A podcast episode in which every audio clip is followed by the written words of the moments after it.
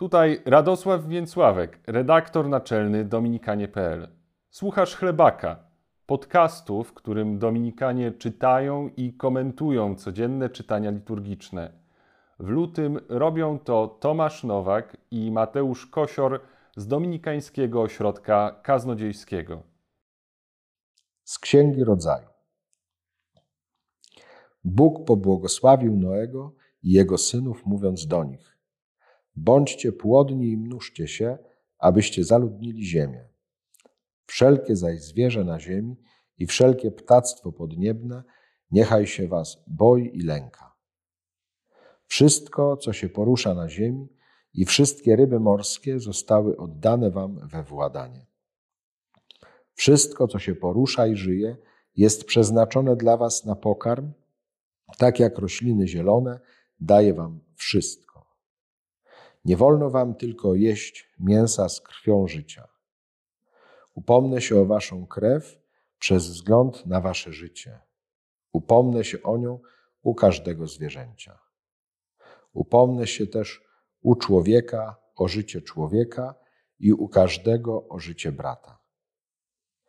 Jeśli ktoś przeleje krew ludzką, przez ludzi ma być przelana krew jego. Bo człowiek został stworzony na obraz Boga.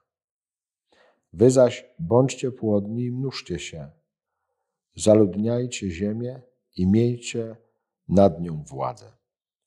Potem Bóg tak rzekł do Noego i jego synów: Oto ja zawieram przymierze z wami i z waszym potomstwem, które po was będzie. Z wszelką istotą żywą, która jest z wami, z ptactwem, ze zwierzętami domowymi i polnymi, jakie są przy was, ze wszystkimi, które wyszły z arki, z wszelkim zwierzęciem na ziemi.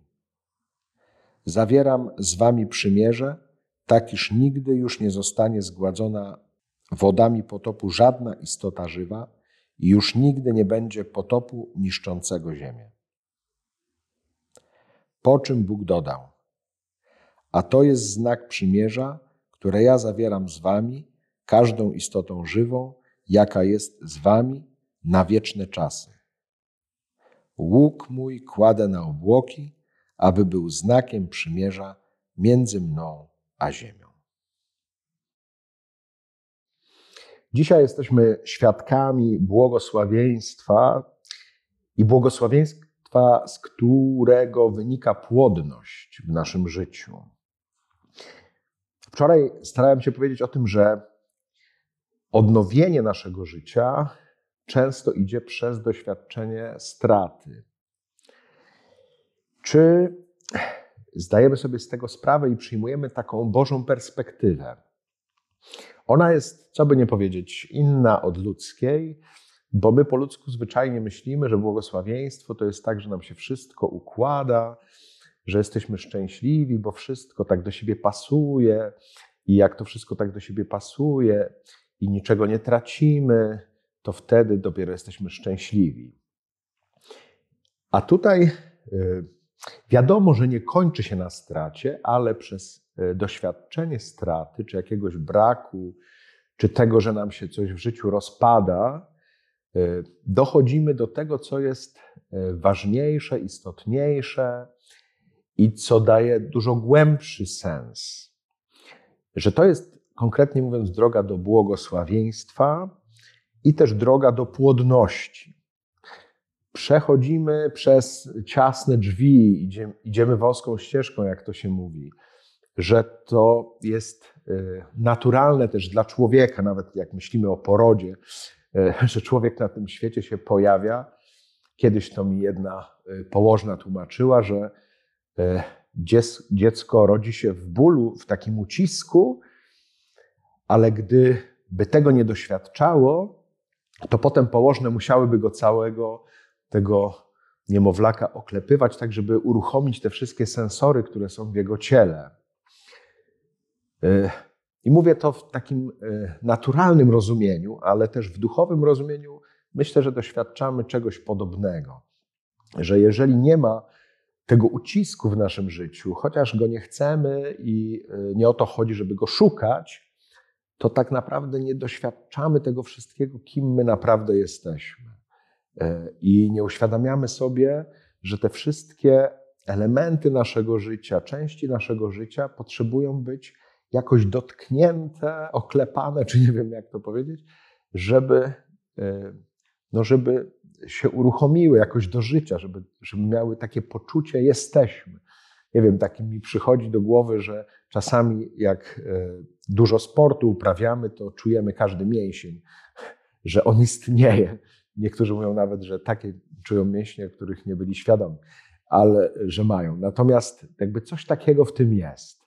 Nie chcę tego jakoś zbanalizować czy spłycić, ale wydaje mi się, że warto taką mądrość odkryć w swoim życiu, że ten ucisk, że ta strata, że to doświadczenie y, trudne w naszym życiu nie jest dlatego, żeby tylko tego doświadczyć, ale że to jest droga do błogosławieństwa, y, droga do płodności, droga do tego, że nasze życie się nie kończy na tu i teraz i tylko na nas samych, tylko w nim chodzi o coś dużo dalej i dużo więcej. No pomyślmy dzisiaj o tym.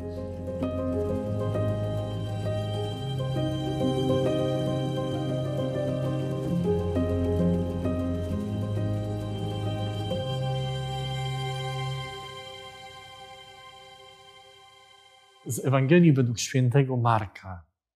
Jezus udał się ze swoimi uczniami do wiosek pod Cezareą Filipową. Drodze pytał uczniów, za kogo uważają mnie ludzie? Oni mu odpowiedzieli za Jana Chrzciciela, inni za Eliasza, jeszcze inni za jednego z proroków. On ich zapytał, a wy za kogo mnie uważacie? Odpowiedział mu Piotr, ty jesteś Mesjasz. Wtedy surowo im przykazał, żeby nikomu o nim nie mówili i zaczął ich pouczać, że Syn Człowieczy musi wiele wycierpieć, że będzie odrzucony przez starszych, arcykapłanów i uczonych w piśmie, że zostanie zabity, ale po trzech dniach zmartwychwstanie.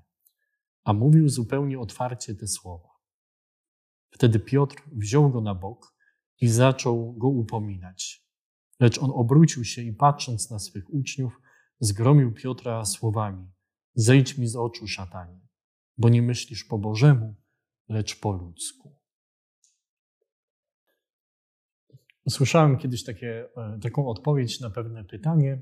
Ono jest ogólne, więc można je przytoczyć, które mnie bardzo zainspirowało. Mianowicie, że ta odpowiedź brzmiała w ten sposób.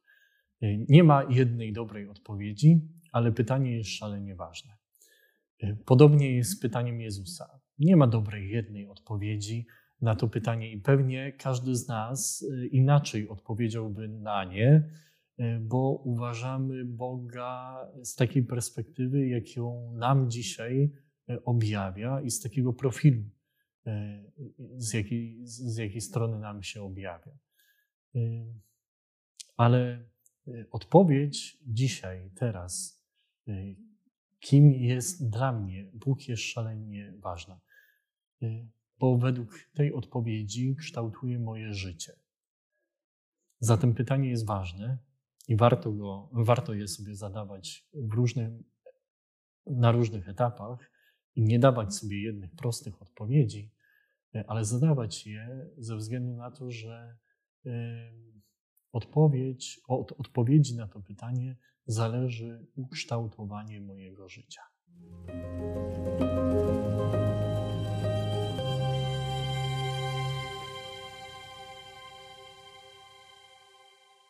Cenisz naszą pracę? Odwiedź nasz profil na patronite.pl i zobacz, jakie mamy plany.